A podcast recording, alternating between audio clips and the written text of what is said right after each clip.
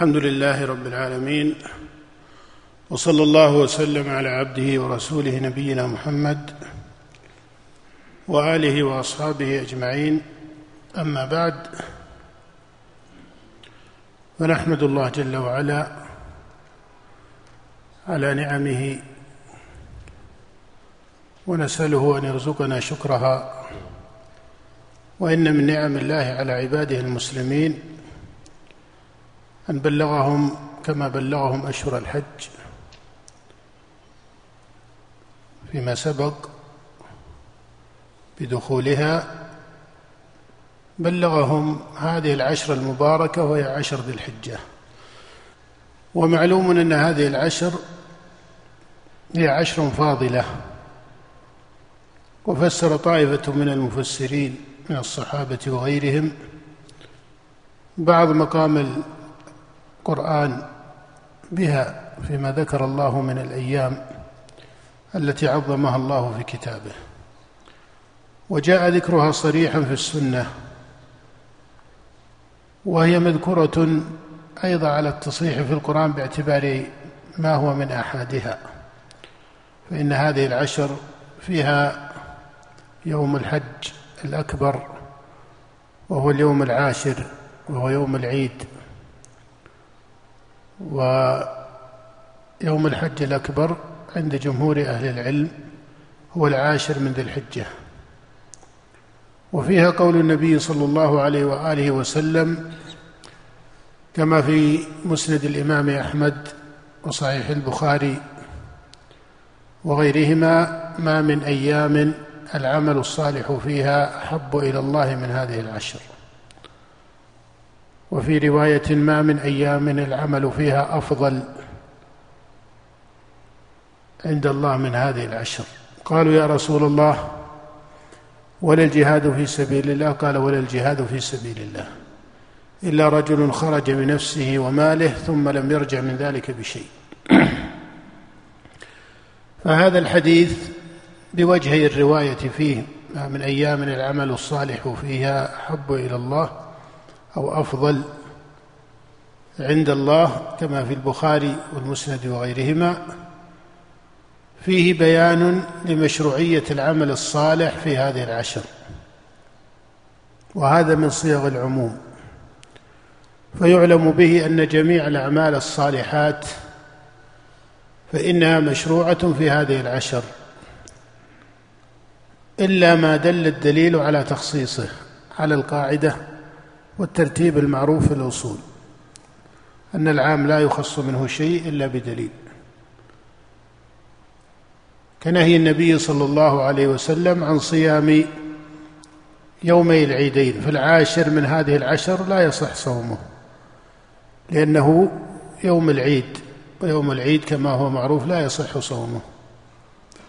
فهذا خص من عموم قول النبي صلى الله عليه وسلم ما من أيام العمل الصالح. فالعمل الصالح هنا عام في الأعمال الصالحة. ومثله مما يخص على الراجح صيام يوم عرفة لمن كان حاجا فإنه لا يشرع. وإن كان لا يحرم. لكن السنة اقتداء بفعل النبي صلى الله عليه وسلم ألا يصام يوم عرفة لمن كان حاجا.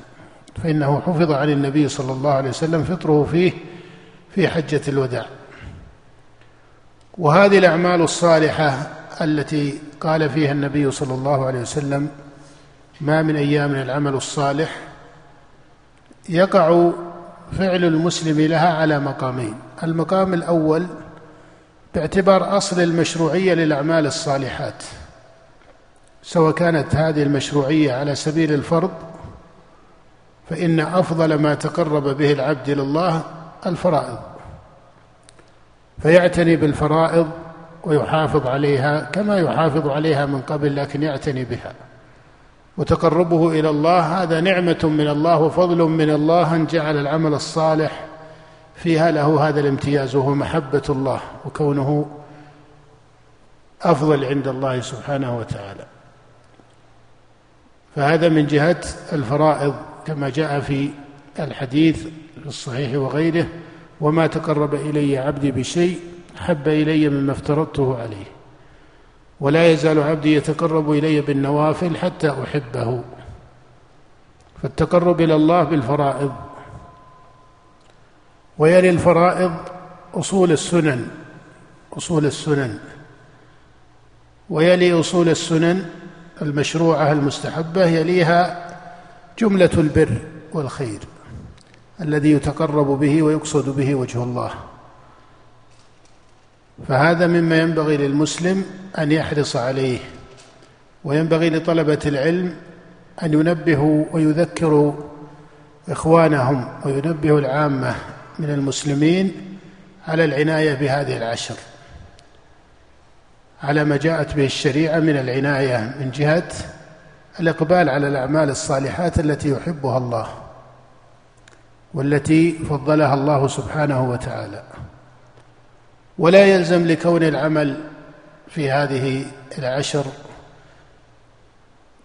مما يفعله المسلم من الأعمال الصالحة لا يلزم أن يكون حفظ عن رسول الله صلى الله عليه وآله وسلم فعله في هذه العشر بعينه. وهذا ليس بلازم لأنه شرع بسنته من حيث الأصل وأكد في سنته في هذه العشر بحديث ابن عباس. وإلا لو قيل إن المسلم لا يحرص على عمل فيها ولا يقبل على طاعة فيها إلا طاعة حفظ عن النبي صلى الله عليه وسلم فعله لها بعينه لترك كثير من العمل ولخص كثير من العموم على غير وجه التخصيص الصحيح. فإن السنة كما هو متفق عليه تثبت بقول النبي صلى الله عليه وسلم والأصل في كلام الشارع إذا كان عاما أن يحمل على عمومه.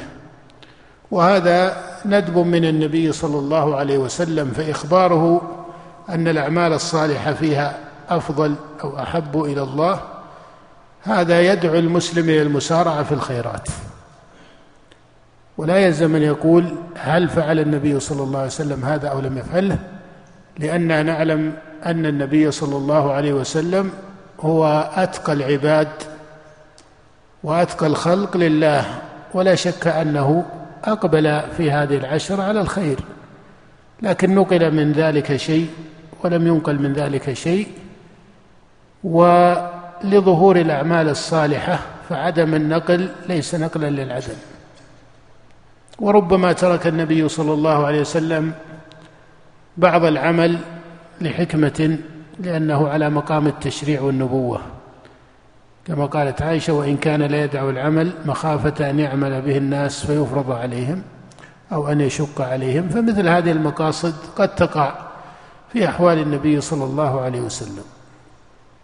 وعليه فمن اشتغل بعد الفرائض بالصيام أو اشتغل بقراءة القرآن أو اشتغل بالذكر أو اشتغل بنوافل الصلاة وما إلى ذلك والصدقة وصلة الأرحام وكل أعمال الخير التي شرعها الله ورسوله فإن هذا من الإقبال الشرعي ومن الاستجابة لقول النبي صلى الله عليه وسلم ما من أيام العمل الصالح فيها أفضل أو أحب إلى الله.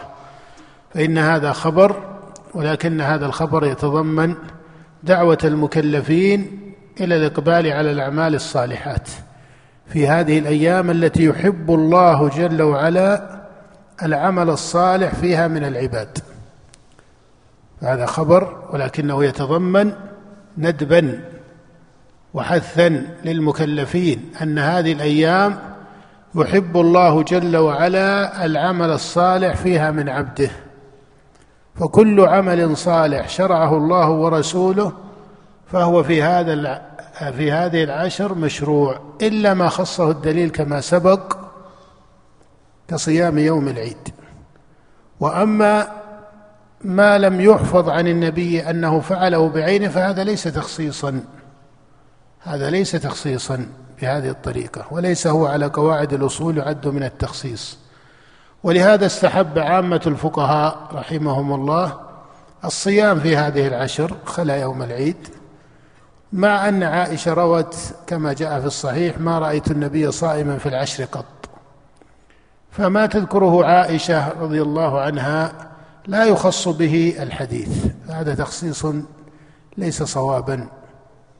بل عائشة رضي الله عنها روت حالا ولا يلزم أن تكون هذه الحال قد استقرت في رواية غيرها فإنما تروي ما بلغها وما أدركت ولو كان لها من القرب من النبي ما هو معروف من جهة أنها زوجه رضي الله تعالى عنها إلا أنها في بعض المسائل من أفعال النبي نفت في حال ثم أثبت غيرها حالا آخر للنبي صلى الله عليه وسلم وربما نفت عائشة ثم أثبتت هي نفسها كما نفت أن النبي كان يصلي الضحى فقالت ما رأيت النبي صلى الله عليه وسلم يصلي الضحى قط وإني لأسبحها وروت مرة كان يصلي الضحى اربعا ويزيد ما شاء الله وروت مرة كان لا يصلي الضحى إلا أن يجيء من مغيبة.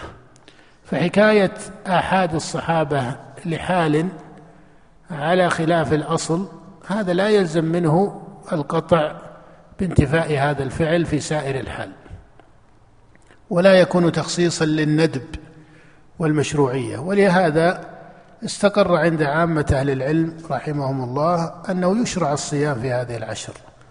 وإن كان لا يخص الصيام دون غيره إلا ما خصه الدليل كصيام يوم عرفة فإنه مندوب إليه بخصوصه. وأما جملة الصيام في العشر فإنه مثل بقية الأعمال لا يخص دون غيره لأن هذا التخصيص يحتاج بهذه الطريقة إلى دليل وإنما يقال الصيام مشروع والصلاة مشروعة وقراءة القرآن مشروعة والصدقة مشروعة وصلة الأرحام مشروعة وطلب العلم مشروع وكل عمل صالح فهو مشروع بأصل المشروعية بأصل المشروعية أليس كذلك؟ أليس الصيام قبل هذه العشر مشروع؟ بلى. أليس الصيام قبل هذه العشر يعد مشروعا؟ وقراءة القرآن. فأصل المشروعية لا يزال ثابتا. هذا الحديث أكد أن هذه التي شرعت قبل دخول هذه العشر هي إذا فعلها المكلف في هذه العشر فإنها مما يحبه الله. فإنها مما يحبه الله. وإلا فأصل المشروعية ثابتة قبل حديث ابن عباس أليس كذلك؟ فإن من يصلي لله قبل دخول العشر يصلي بما شرع الله من الصلاة أي من الدليل المقتضي لمشروعية الصلاة فرضا ونفلا والصيام كذلك ولا يخص شيء إلا ما خصه الشارع وما خص الشارع عملا نهى عنه في هذه العشر إلا كما سبق الإشارة إليه كما جاء في نهيه عن صيام يوم العيد فهذا مستقر عند العلماء وأجمعوا عليه أن يوم العيد لا يصام. ومثله ما كان في عرفة للحاج بخلاف غير الحاج فإنه يتأكد في حقه الصيام. وأما الحاج فالأولى ألا يصوم ولكن لو صام لم يحرم على الراجح. بل عند عامة أهل العلم لا يحرم صومه للحج لكن الأولى ألا يصوم اقتداء بفعل النبي صلى الله عليه وسلم ويتفرغ لنسكه ويتفرغ ليكون أقوى في قربه وعبادته في عرفة. وتقربه إلى الله سبحانه وتعالى. فمثل هذا المعنى مما ينبغي للمسلمين أن يعتنوا بمثل هذا الفقه. وينبغي لطلبة العلم أن يدعوا عامة المسلمين إلى تعظيم هذه السنن وهذه الآثار وما مضى عليه جماهير الفقهاء رحمهم الله بل عامة الفقهاء في هذه المعاني. وأما أن يكون لبعض طلبة العلم أن يتتبع بعض الرأي الخاص ثم يميل إلى ترجيحه بحسب فهمه العلمي ويكون على خلاف طريقة عامة الفقهاء أو جماهير الفقهاء. وترك العامة له لا يزيدهم خيرا بل يحولون من سنن كانوا يتمسكون بها إلى تركها. فهذا لا أدري ما المصلحة الشرعية فيه. فإنه ليس عليهم في دينهم شيء من الآثار والأغلال. وليس إذا قيل للناس إن الصيام مشروع في هذه العشر وإن كذا مشروع وإن كذا مشروع تكلف البعض في فهم فقال للناس إن الصيام لا دليل عليه. فهذا ما الذي جاء به من الخير؟ هل كان الصيام من الآثار والأغلال التي أسقطت عن الناس الله ما فرض عليهم إلا صيام رمضان أليس كذلك؟ ولكنه عمل يتقرب به إلى الله. وكان النبي يصوم حتى يقال لا يفطر ويفطر حتى يقال لا يصوم فكان كثير الصيام عليه وهو من سنن المرسلين. يا أيها الذين آمنوا كتب عليكم الصيام كما كتب على الذين من قبلكم. فهذه المواسم من الخير ينبغي أن يكون طلبة العلم على حسن فقه فيها وليس طالب العلم إذا لاح له فهم عارض بادر إلى نشره. وتجد أنه قبل سنة وسنتين وثلاث ما كان عنده هذا الرأي. ثم يلوح له فهم عارض لو كان الناس على خطأ في دينهم فلا شك أن البيان هنا واجب وعلى أهل العلم أوجب. ولكن بعض هذا الفهم العارض الذي يخالف ظاهر السنن ويخالف ما مضى عليه سواد الفقهاء وجماهير الأئمة كالأئمة الأربعة أو أكثرهم. فهذا مما لا ينبغي التكلف فيه حتى لا يفوت على كثير من العامة هذه الأبواب من الخير هذا من جهة ومن جهة ثانية حتى لا يضطرب أمر العامة فإن العامي لا يدرك هذا الوجه ولو كان نظرا لبعض الفقهاء يكون صاحبه قد اجتهد فأخطأ وقد يكون من الاجتهاد السائغ فيكون ماجورا عند الله كما قال في النبي صلى الله عليه وآله وسلم في حديث عمرو بن العاص إذا حكم الحاكم فاجتهد ثم أصاب فله أجران وإذا حكم فاجتهد فأخطأ فله أجر. ولكن حدثوا الناس بما يعرفون كما قال علي رضي الله تعالى عنه ورواه البخاري معلقا. أتريدون أن يكذب الله ورسوله؟ فهذا يقع عند العامة اضطراب. إذا فهم بعض طلبة العلم فهما في الدين ولو كان رأيا لبعض فقهاء أهل الرأي أو بعض أهل الحديث أو غيرهم. وهو على خلاف ما عليه العامة وخلاف ما عليه عملهم وخلاف ما هو الأصل قبل ذلك كله. أنه على خلاف ظاهر السنن. النبي صلى الله عليه وسلم هنا يقول ما من أيام العمل الصالح. هذا خبر أن الله جل وعلا يحب الأعمال الصالحة من عبده وهذا هو الأصل. وهذا من فضل الله سبحانه وتعالى على خلقه أنه اصطفى لهم وخص لهم من هذه الأفعال ما تكون موجبة لمحبته ومرضاته. وهي الأعمال الصالحة التي يتقرب بها إلى الله جل وعلا. فيتقرب العبد إلى ربه. كما قال الله جل وعلا في صفة المؤمنين فسوف يأتي الله بقوم يحبهم ويحبونه. ومن محبة العبد لربه أن يقبل على الاستجابة له بطاعته وإخلاص الدين له. فهذه الأعمال تزكي النفوس. من اشتغل بالصلاة أو بالصيام أو بذكر الله أو بالصدقة فضلا عن الفرائض فإنها هي الأصل فهذا كله من المشروع. ولا يجوز لطالب العلم أن يضيق على العامة بتكلف عرض له. فهذا مما لا ينبغي أن يصير إليه الناظر. إلا ما استثني بنص واستقر فهمه عند الفقهاء كما تكلموا فيما سبق من المسائل. وكذلك في بقية الشعائر فإن الناس بين يدي حج وقد دخلت أشهر الحج كما سبق ويباشرون الحج في هذه الأيام وقد قدم الكثير من المسلمين لأداء فريضتهم وبعضهم سيبتدئ بفعل هذه الفريضة.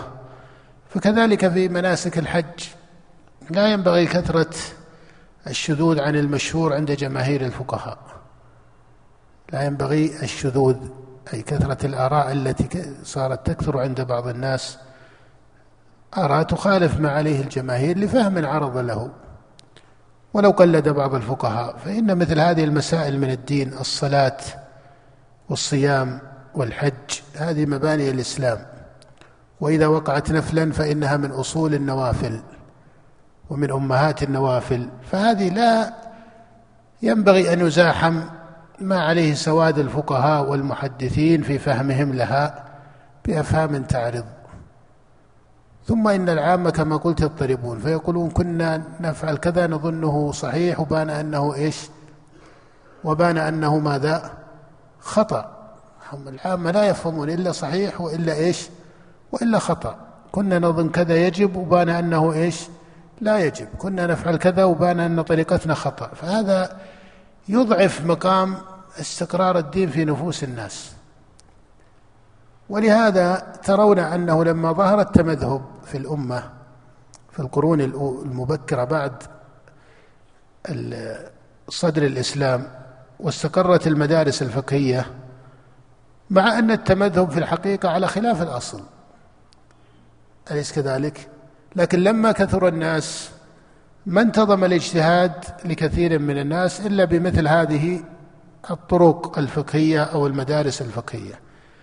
ولما استقر ذلك وجدنا أن عامة علماء المسلمين على مر القرون ما صاروا ينكرون هذا التمذهب أو يدعون العامة إلى تركه لأن هذا أضبط لدين الناس بهذه الطريقة.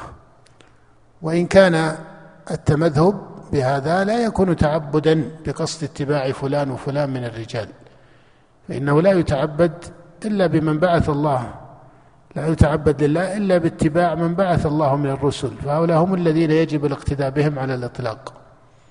لكن هؤلاء أخذوا عنهم وأخذوا عن سنتهم وهم فقهاء مجتهدون في فهم سنن الأنبياء وسنة خاتمهم عليه الصلاة والسلام. ولذلك إذا مضى العامة في بلد على مذهب أحد من هؤلاء الأعيان من أئمة الإسلام ترك الناس على ما هم عليه إلا ما كانت السنة على خلافه فإن الإمام والعالم قد يفوته بعض السنن لكثرة الرواية وتنوع موارد الرواية في الأمصار فهذا شأن معروف. إذا كان ثمة سنة ظاهرة عن النبي صلى الله عليه وسلم فهو إن لم يعمل بها بعض أعيان المجتهدين لا يقال بتركها لترك فلان لها. لكن إذا كان الأمر على عكس ذلك وجدنا أن جماهيرهم وأن ظاهر السنن على هذا المعنى فإذا لاح لطالب علم فهم فأدنى العقل والحكمة أن يتروى في ذلك ويتبصر ولا يستعجل القول ثم لو حدث به ولا بد. لا يقدمه بين يدي الناس على أن هذا هو الراجع على الإطلاق وأنه يجوز كذا فيتوهم العامة أن ما كانوا عليه لم يكن صوابا أو لم يكن من الدين أو كان خطأ مع أن ما هم عليه هو قول جماهير أئمتهم وفقهائهم وربما كان هو مذهب العامة من أهل العلم. فهذا ينبغي لطلبة العلم أن يحسنوا اللغة مع عامة المسلمين. ما كان من الأخطاء أو كان من الآثار التي فيها عنت على الناس فهذا يحسن إذا كان قد توهم بعض الناس شيئا من الدين ولو قلد فيه فقيها وهو من الآثار فهذا رفعه حسن. وكذلك ما خالف ظاهر السنن فهذا رفعه حسن ولو ألفه الناس. لكن إذا كان على خلاف ذلك عبادة شرعها الله في كتب الأنبياء جميعا مثل الصيام. شرعت في كتب الأنبياء وشرعت في هذه السنة المباركة وفي هدي النبي صلى الله عليه وسلم. وكان الأنبياء أهل صيام وأهل صلاة. فإذا أقبلت هذه العشر وقام العامة يعتنون بها بمثل هذه الأعمال شوش عليهم ببعض هذا الكلام الذي لا ينبغي أن يصدر. فهذا مما يؤكد. وكذلك ما جاء في السنن الأخرى كالأضحية مثلا وإنها من السنن المؤكدة عن النبي صلى الله عليه وآله وسلم وقال بعض أهل العلم بوجوبها فكذلك يعتنى بتذكير الناس بها لأن بعض الناس صار يتساهل بالأضحية مع قدرته المالية فهي سنة مؤكدة وحافظ عليها رسول الله صلى الله عليه وسلم حتى قال أبو حنيفة بوجوبها. وهي من التوحيد لله سبحانه وتعالى لن ينال الله لحومها ولا دماؤها. فالذبح عبادة يتقرب به إلى الله سبحانه وتعالى فهذه الشعيرة يجب أن يحافظ على إحيائها يحافظ على إحيائها وما يتبعها من بعض السنن والأحكام الشرعية التي وردت في هذا كحديث أم سلمة رضي الله تعالى عنها أن النبي صلى الله عليه وسلم قال من كان له ذبح يذبحه فإذا هل هلال ذي الحجة فلا يأخذ من شعره ولا من بشره شيء. فهذا حديث رواه الإمام مسلم وغيره والجماهير من أهل العلم على العمل بهذه السنة وهو أن لا يأخذ من شعره ولا من بشره. سواء قالوا بأن ذلك مستحب أو قالوا بأن فعله أي الأخذ يكره أو قالوا بتحريم الأخذ. هذه أقوال قالها العامة من الفقهاء. فعامة الفقهاء على الاعتبار بهذه السنة لكن منهم من يجعل هذا الأخذ تحريما كما هو المشهور من مذهب الإمام أحمد رحمه الله ومنهم من يقول إن ذلك يكره كما هو أحد القولين في المذهب وهو مذهب الإمام الشافعي وأحد القولين في مذهب مالك وجعله كثير هو مذهب مالك. أو أن ترك الأخذ من المستحبات ومن الشعائر المستحبة كما هو رأي أيضا لجماعة من أهل الرأي ولطائفة من أصحاب مالك وبعض أصحاب الشافعي كذلك. فوجدنا أن عامة الفقهاء وأكثر الفقهاء وجماهيرهم يعتبرون بهذا المعنى إما استحبابا لترك الأخذ أو كراهة للأخذ أو تحريما له وإن كان أيضا يبين للعامة حتى لا يقع عليهم أن هذا ليس شرطا أن هذا ليس شرطا لصحة الأضحية فهذا بالإجماع أنه ليس بشرط.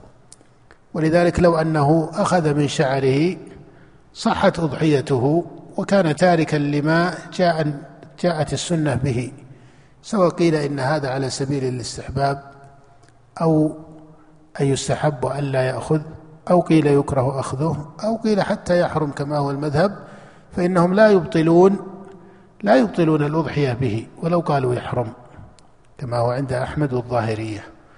فهذا ليس شرطا. وكذلك من طرأ له من الناس الأضحية وقد أخذ في أول العشر ثم طرأ له نية الأضحية بعدما أخذ كما في اليوم الثامن أو حتى يوم العيد. أو ما طرأ له أن يضحي طرأ له أن يضحي إلا إلا في يوم الذبح بعد يوم العيد. فإن أيام الذبح يوم العيد ويومان بعده على الراجح وقيل ثلاثة لكن الراجح أنها يوم العيد ويومان بعده كما هو المذهب عند الإمام أحمد وهو مذهب الجمهور من الفقهاء. فمن طرأ له الذبح بعدما أخذ أو حتى بعد انتهاء العشر في يوم الذبح فهذا لم يقع في ترك سنة ولا فعل مكروه فضلا عن محرم. فهذا التوازن مما يحصل للناس أن يعتبروه. أما أن يتعامل مع هذا كأنه من الآثار على الناس أنهم يتركون ترك الأخذ من الشعر هذه العشرة أيام. وكأن الناس يتسابقون إلى كيف ما هي الآراء الفقهية؟ وهل يوجد من يجوز ذلك؟ وجد من الفقهاء من يجوز ذلك ومن يبيح ذلك. لكن ثم ماذا؟ ما دام أن عندنا سنة ظاهرة خفيت على بعض العلماء أو أنهم تكلموا في صحة الحديث واجتهد بعضهم في التردد في رفعه والقول بأنه موقوف على أم سلمة. فهذا من الأقوال والاجتهاد الذي صاحبه يكون مأجورا في الأصل. لكن هذا العمل مما ليس فيه من الآثار على الناس شيء. وفيه أيضا من شعور الناس بأن هذا يفعلونه على سبيل التقرب لله فيحيون مثل هذه السنن في نفوسهم. وإن كان هذا لا يحدث في الدين شيء من أجل هذا الشعور أو هذا المعنى في النفوس لكن المقصود أن هذا يقع فيه مصلحة للناس إذا تدينوا لله به لأن هكذا صفة الدين في جميع موارده أنه مصلحة وأنه خير للعباد ليس فيه شيء من الآثار والأغلال ولله الحمد. فهذا على كل حال المقصود أن طالب العلم ينبغي له أن يتروى في أمر العامة لأن العامة إذا قيل لهم يجوز في المذهب الفلاني أو يجوز عند العالم الفلاني فعل كذا ما أحسن كما يحسن طالب العلم حتى المتكلم بهذا الكلام أن يفرق ما هي الأقوال. ولذلك لو قيل العامة يجوز ذلك عند بعض العلماء لكن لو جئتم وقلت أكثر العلماء يقولون يكره ذلك. أو لا يحسن ذلك. أو قال بعضهم بتحريم ذلك. تغير رأيهم. تتغير تعاملهم. فيبقى أن خطاب العامة هذا فيه سياسة شرعية. كما قال علي رضي الله حدثوا الناس بما يعرفون. أتريدون أن يكذب الله ورسوله؟ يصلح العامة يقولون كنا على خطأ وكنا ما كذا وهو قول جماهير العلماء. وقول جماهير العلماء. ولو أن كل طالب علم عرض له فهم على خلاف فهم العامة وهو ليس كما قلت لا يخالف سنة صريحة وليس فيه شيء من الآثار والأغلال ليس فيه عنت على الناس. إلا العنت على الناس هذا أصلا لا يقع في الشريعة. ما هو؟ ولهذا من صفة النبي ويضع عنهم إصرهم والأغلال التي كانت عليهم. ولا ترى في قول مشهور للفقهاء وعليه جماهيرهم فيه شيء من الآثار والأغلال أبدا. فضلا عن السنن فإن السنن النبوية بريئة من الآثار والأغلال. لكن حتى أقوال الجماهير ما يقع فيها هذا الوصف. قد يشذ بعض الآراء الفقهية التي فيها شيء من العنت على الناس فهذا ينبه إليه.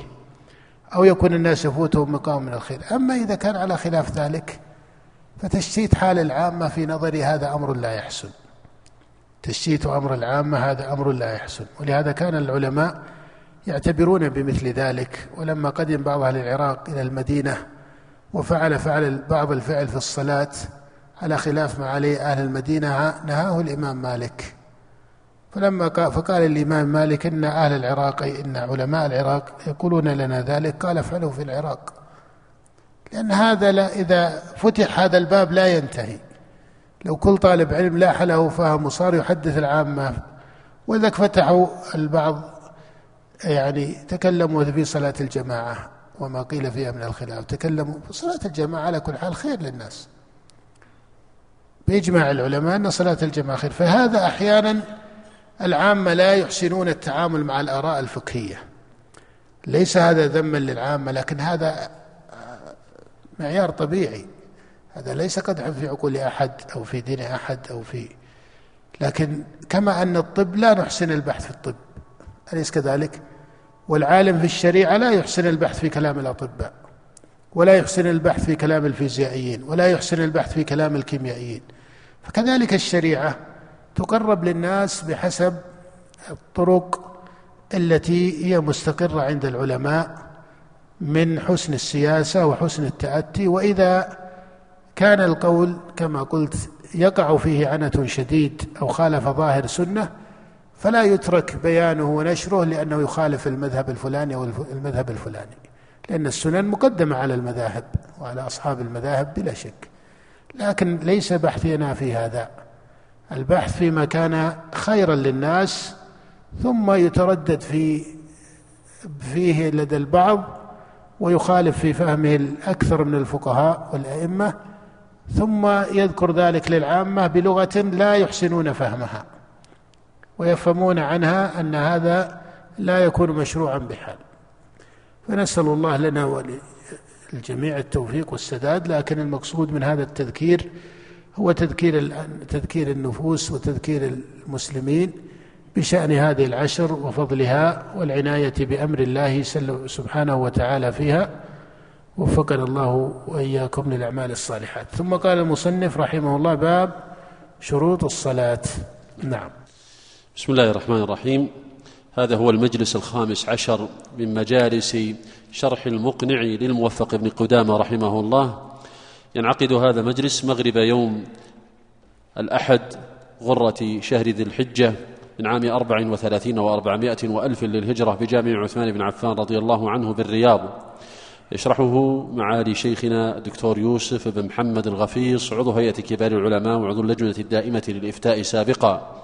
قال المصنف رحمه الله تعالى باب شروط الصلاة وهي ما يجب لها قبلها وهي ست أولها دخول الوقت والثاني الطهارة من الحدث والصلوات المفروضات نعم قال المصنف باب شروط الصلاة وهو ما وهي ما يجب لها قبلها. شروط الصلاة ما يجب لها قبلها ففرق بين الشرط في الصلاة وبين الواجب في الصلاة فإن الشروط هي ما يجب لها قبلها. أما الواجب فإنه من ماهية الصلاة كقولهم بوجوب التشهد الأول كما هو المذهب. هذا في ماهية الصلاة أو قول سبحان ربي الأعلى في السجود وسبحان ربي العظيم في الركوع. ويأتي البحث في واجبات الصلاة والفرق بين الواجب وبين الركن. أما شروط الصلاة فما تصح الصلاة بدونها. ولو تركها ناسيا هكذا الأصل في الشروط أن العبادة لا تصح بدونها. ويأتي بعض ما يقيد أو يستثنى من ذلك في بعض الأوجه مما يقع فيه الاجتهاد فيخطئ كما في أمر القبلة والخلاف في ذلك. قال المصنف أولها دخول الوقت فالوقت شرط لصحة الصلاة. فمن صلى قبل الوقت الذي وضعه الشارع لم تصح صلاته. والصلاة مقيدة بمواقيتها. نعم. والثاني الطهارة من الحدث لقول النبي صلى الله عليه وسلم لا يقبل الله صلاة أحدكم إذا أحدث حتى يتوضأ. وقوله لا يقبل الله صلاة بغير طهور ولا صدقة من غلول.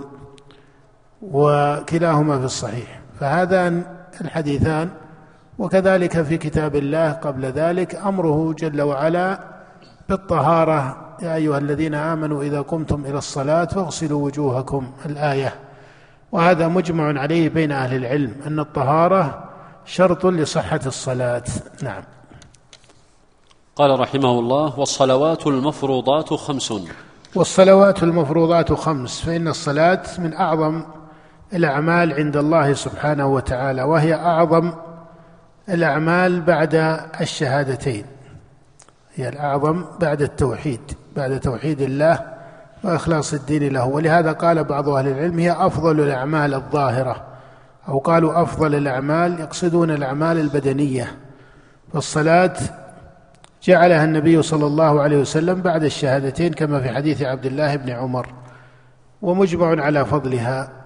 وبين يدي ورقة لبعض الأخوة لعله يناسب الإشارة إليه أنه يقول إنهم يتكلمون عن الصلاة وأحكام الصلاة مع أن الآيات تذكر إقام الصلاة.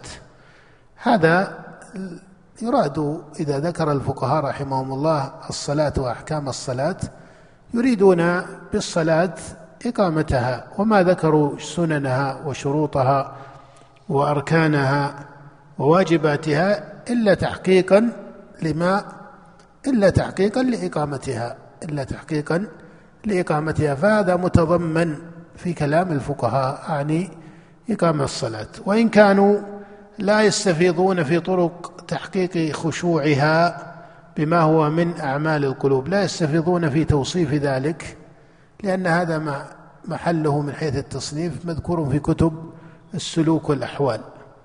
ولكنهم ينبهون على أصول هذه الأعمال أعمال القلوب كالخشوع والطمأنينة في الصلاة لكن التفصيل في تحقيق الخشوع وما إلى ذلك فهذا محله في كتب أخرى من كتب أهل العلم وهي كتب السلوك.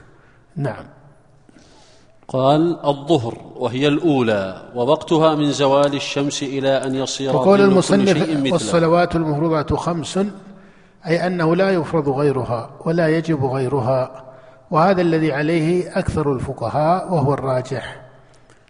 لقول النبي صلى الله عليه وسلم للأعرابي لما قال هل علي غيرهن قال لا إلا أن تطوع. فما عدا الصلوات الخمس فهو تطوع. والجمعة فرض كما هو معروف. الجمعة فرض كما هو معروف. سواء قيل إنها بدل عن الظهر أو لم يقل ذلك. لكن المقصود أن ما عدا هذه الصلوات فإنها ليست فرضا على الأعيان ليست فرضا على الأعيان. أما الجمعة فإنها فرض على من تحققت فيه الشروط كما هو معروف كما سيأتي في أحكام الجمعة. واختلفوا في الوتر والجماهير على أن أن الوتر من السنن المتواترة عن النبي أي أنه حافظ عليه لكنه ليس واجبا خلافا لأبي حنيفة. رحمه الله نعم. قال الظهر وهي الأولى ووقتها من زوال الشمس إلى أن يصير ظل كل ظل كل شيء مثله بعد الذي زال بعد الذي زالت عليه الشمس. نعم. الظهر وهي الأولى أي تسمى الصلاة الأولى. تسمى الصلاة الأولى. والمواقيت مذكور جملتها في كتاب الله. أقم الصلاة لدلوك الشمس إلى غسق الليل وقرآن الفجر إن قرآن الفجر كان مشهودا. فالصلوات جملة مواقيتها ذكرت في القرآن وفصلت في السنة. وفي الرواية عن النبي صلى الله عليه وسلم جملة من ذلك عن جماعة من الصحابة. لكن أخص ما في المواقيت حديثان. أخص ما في المواقيت حديثان. حديث عبد الله بن عمر بن العاص قد أخرجه مسلم وغيره وحديث جابر ويسمى حديث جبريل وصلاة جبريل بالنبي صلى الله عليه وسلم.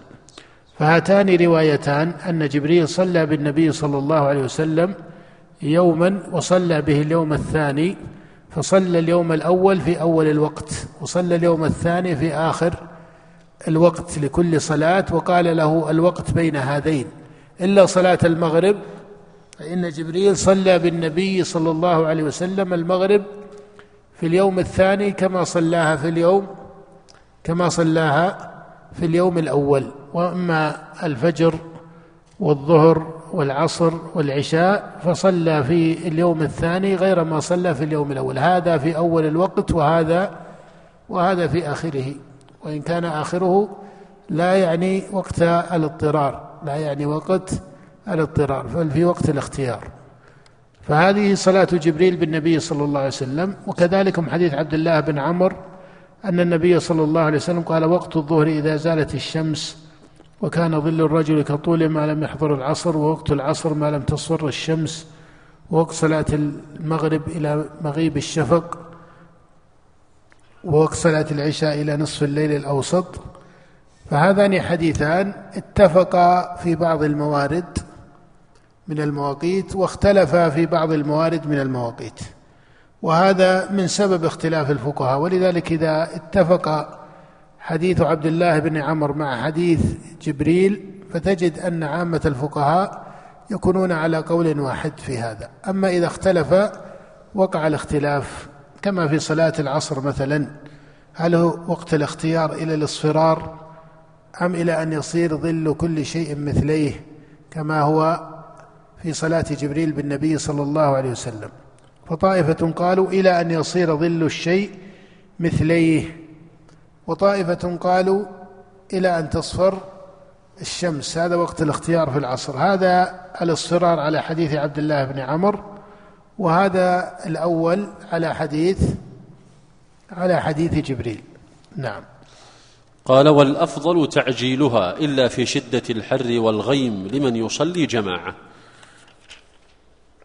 نعم قال المصنف ووقت الظهر من زوال الشمس. زوالها هو ميلها عن وسط السماء إلى أن يصير ظل كل شيء مثليه. أما أن وقت الظهر من زوال الشمس فهذا حكي الإجماع عليه. هذا حكي الإجماع. حكاه ابن المنذر وابن عبد البر وجماعة. وكان النبي صلى الله عليه وسلم كما جاء في حديث أبي برزة المتفق عليه يصلي آه، هذه الصلاة إذا دحضت الشمس أي زالت الشمس.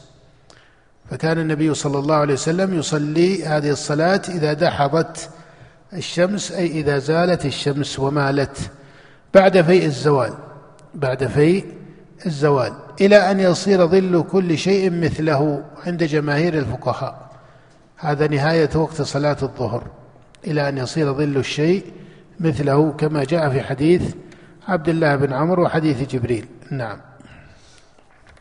ثم قال رحمه الله والأفضل تعجيلها إلا في قال شدة والأفضل الحر. تعجيلها إلا في شدة الحر والغيم لمن يصلي جماعة. والأفضل تعجيلها إلا في شدة الحر. لما جاء في الصحيح وغيره أن النبي صلى الله عليه وسلم قال إذا اشتد الحر فأبردوا عن الصلاة. أي أخروا صلاة الظهر عن أول وقتها فإن شدة الحر من فيح جهنم.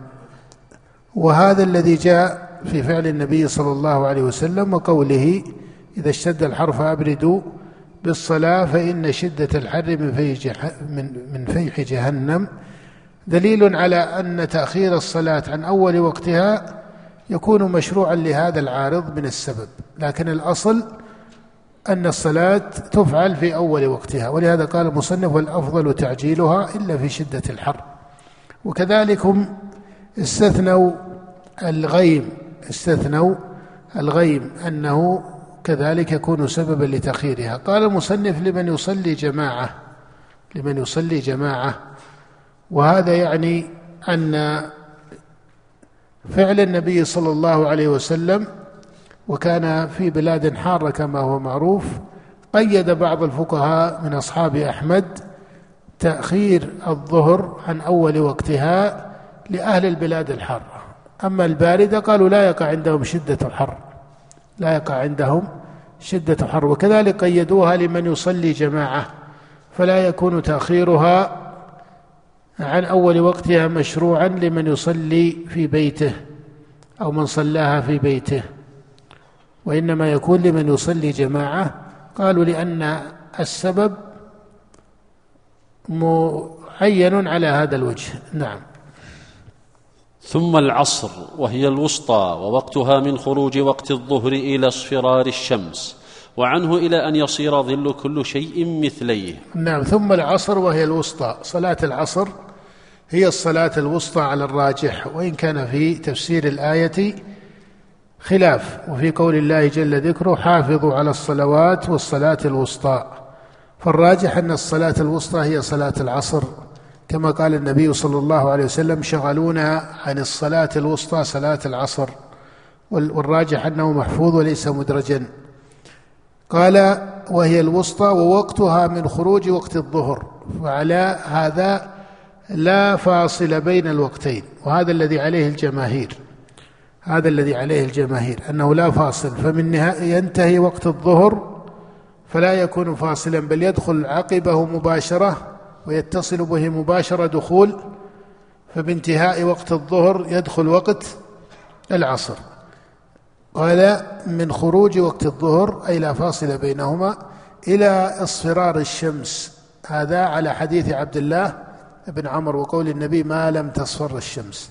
وعنه أي عن الإمام أحمد إلى أن يصير ظل كل شيء مثليه. وهذا على حديث من؟ على حديث جابر حديث جبريل. نعم. ثم قال وعنه إلى أن يصير ظل وبينهما وبينهما فرق يسير. وبينهما فرق يسير. هذا وقت الاختيار. قال ثم يذهب وقت ثم يذهب وقت الاختيار ويبقى وقت الضرورة إلى غروب الشمس. وهذا مجمع عليه أن وقت الضرورة إلى غروب الشمس. فمن أدرك ركعة من العصر كما جاء في السنة عن النبي صلى الله عليه وسلم من أدرك ركعة من العصر قبل أن تغرب الشمس فقد أدرك العصر. نعم. وقال وتعجيلها. ويرتب على ذلك أن الحائض إذا طهرت قبل غروب الشمس فإنها قد أدركت وقت العصر فتصلي العصر وتصلي الظهر معها كما سبق. نعم. وتعجيلها أفضل بكل حال. وتعجيل العصر أفضل بكل حال أي أنه لا يشرع تأخيرها لأن الأصل في هذه الأعمال ومنها الصلاة إلى الاعمال الصالحه هو تعجيلها وهذا الذي عليه الجماهير أن تعجيل الصلوات أفضل في سائر الأوقات إلا ما دل الدليل على استثنائه. نعم. ثم المغرب وهي الوتر ووقتها من مغيب الشمس إلى مغيب الشفق الأحمر. وهي الوتر أي وتر في صفتها كما هو متحقق وظاهر. ووقتها من مغيب الشمس وهذا مجمع عليه بين الفقهاء أن وقت المغرب من مغيب الشمس. لا خلاف بين الفقهاء فيه والأحاديث الصحاح صريحة به. الأحاديث الصحاح صريحة فيه. قال إلى مغيب الشفق وهذا أيضا عليه عامة أهل العلم لكنهم مختلفون في تفسير الشفق. هل الشفق هو الحمرة أو الشفق هو البياض؟ على قولين. الجمهور على أن الشفق هو الحمرة. الجمهور على أن الشفق الذي ينتهي به وقت صلاة المغرب هو الحمرة.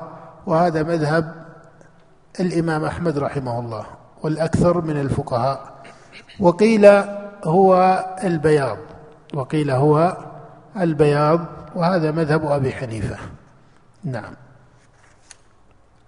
والراجح كما سبق الإشارة إليه ما ذهب إليه الإمام أحمد والجمهور من الفقهاء هو مذهب مالك والشافعي والأكثر من أهل الفقه والحديث على أن الشفقة هو الحمرة. فهذا هو الراجح. وهو ظاهر السنن المأثورة عن النبي صلى الله عليه وسلم خلافا لأبي حنيفة رحمه الله. نعم. قال والأفضل تعجيلها إلا ليلة جمع لمن قصدها. والأفضل تعجيلها أي تعجيل المغرب إلا لمن إلا ليلة جمع أي ليلة المزدلفة لمن قصدها. فإذا كان قاصدا وهو حاج وقصد المزدلفة فربما تأخر عن تعجيل المغرب لكما هو معروف في مسيره من عرفة إلى المزدلفة فإنه يصلي جمعا أي يصلي المغرب والعشاء. فقال المصنف إلا ليلة جمع لمن قصدها أي كان حاجا وقصد جمعا وهي المزدلفة وهذا من أسمائها. نعم وكان النبي يعجلها كما جاء في حديث رافع بن خديج كنا نصلي المغرب مع رسول الله صلى الله عليه وسلم فينصرف أحدنا وإنه ليبصر موقع نبله. نعم. الاذان نعم نقف على قول المصنف ثم العشاء أو نكمل ذلك إلى إلى نهاية وقت العشاء بعد الأذان حتى ننتهي من المواقيت. نعم. سنستكمل بس مسألة العشاء شيخ. نعم.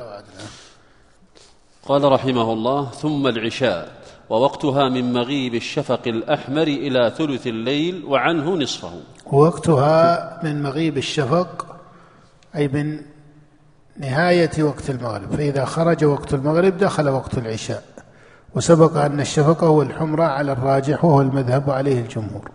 قال إلى ثلث الليل الأول وعنه نصفه. هذا على اختلاف الرواية في حديث جبريل وحديث عبد الله بن عمرو.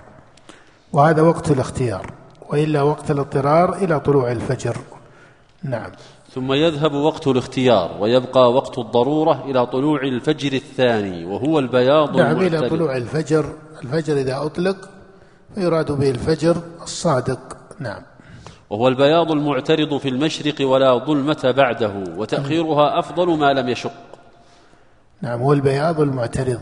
كما جاء في حديث جابر بن سمرة لا يغرنكم من سحوركم أذان بلال ولا بياض الأفق المستطيل هكذا حتى يستطير هكذا أي يعترض. نعم. ثم الفجر ووقتها من طلوع الفجر الثاني إلى طلوع الشمس. قال وتأخيرها أفضل وتأخيرها أي الفجر وعفوا وتأخيرها أي العشاء أفضل ما لم يشق. أي تأخيرها في وقت الاختيار. ليس المقصود أنه يؤخر العشاء. تأخيرها أي العشاء أفضل. قول الفقهاء وتأخيرها أفضل أي في داخل وقت الاختيار. وليس أفضل أن يؤخرها إلى ما بعد ثلث الليل أو نصفه فهذا ليس مشروعا وإنما تأخيرها ضمن وقت الاختيار أفضل ما لم يشق كما فعل النبي صلى الله عليه وسلم في بعض حاله فإنه أخر العشاء في بعض حاله لكن في غالب حاله لم يفعل ذلك حتى لا يشق على الناس حتى لا يشق على الناس فترك بعض الاختيار مخافة أن يشق على الناس. نعم. ثم الفجر ووقتها من طلوع الفجر الثاني إلى طلوع الشمس وتعجيلها أفضل. نعم إلى طلوع الشمس وقت الفجر من طلوع الفجر الثاني أي الصادق كما سبق في حديث جابر بن سمرة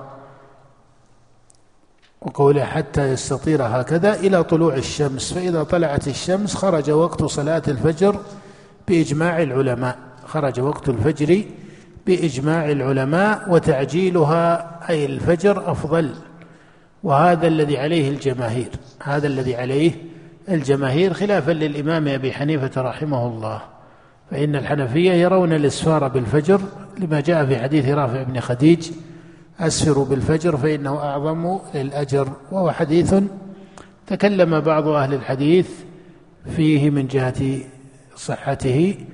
ولكن على العمل بتصحيحه وقبوله فإنه لا يفيد أن الفجر يشرع تأخيرها وإنما المقصود منه التحقق فإن السنن إذا قلنا بصحة حديث رافع كما هي طريقة طائفة من أهل الحديث السنن يرد بعضها إلى بعض السنن يرد بعضها إلى بعض وفعل النبي الثابت في الصحيح وغيره بين في أنه عليه الصلاة والسلام كان يعجل صلاة الفجر أنه كان يعجلها. حتى قالت عائشة رضي الله عنها كان نساء المسلمات يشهدن الفجر مع رسول الله صلى الله عليه وسلم ثم ينصرفن متلفعات بمروطهن ما يعرفهن أحد من الغلس. فهذا بين أن ما ذهب إليه أبو حنيفة رحمه الله ليس هو على ما جاء في هذه الرواية.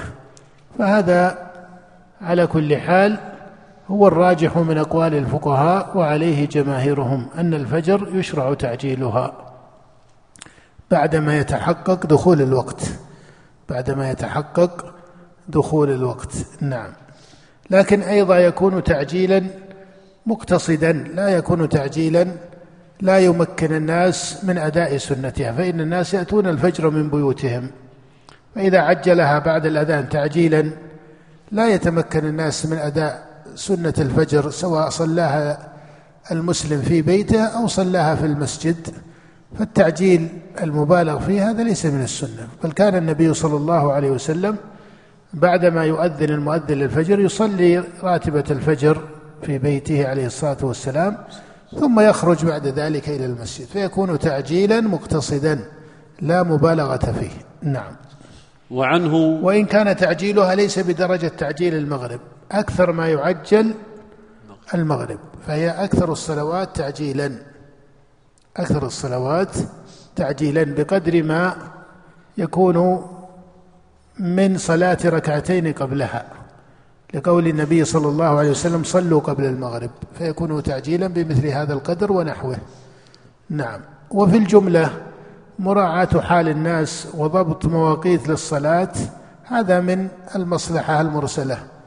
إذا انتظمت المساجد وقيل إن ما بين هذه الصلاة وإقامتها يكون كذا وما بين هذه الصلاة وإقامتها يكون كذا وعين ذلك تعيينا وانتظم الإمام والمؤذن عليه فهذا مما هو من المصلحة المرسلة في الجملة لكن لا يتكلف الناس فيه.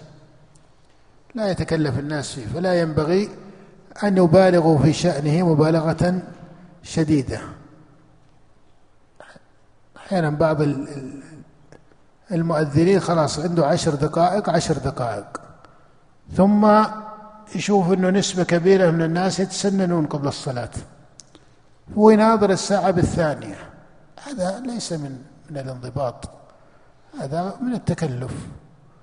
فإنه لو انتظر دقيقة لا انتهى جملة من المصلين من صلاتهم من من نافلتهم. فمثل هذا ما يتكلف في الأمر إلى هذه الدرجة. لكن التأخير الذي يخلف حال الناس أو يخلف ما يحتاجونه هذا مناسب مراعاته. أما أن الإنسان يأخذها بالدقيقة الواحدة وإجزاء أحيانا من الدقيقة لا يراعي أيضا ما ولذلك النبي كان ينظر إذا اجتمعوا إذا اجتمعوا كان ينظر في صلاة العشاء عليه الصلاة والسلام هل اجتمعوا؟ فإذا اجتمعوا عجل وإذا رآهم قد أخروا أخر. فهذا من سنن النبي صلى الله عليه وسلم. فينبغي للمؤذن أن يراعي ذلك مراعاة مقتصدة لا يكون فيها عدم انضباط في المسجد فيكون بعض الناس يصد عن المسجد لعدم انتظام أمر الإمام والمؤذن فيه. هذا أيضا خطأ. لكن بالمقابل تكون الأمور على قدر مناسب معقول. وبالله التوفيق. وصلى الله وسلم على نبينا محمد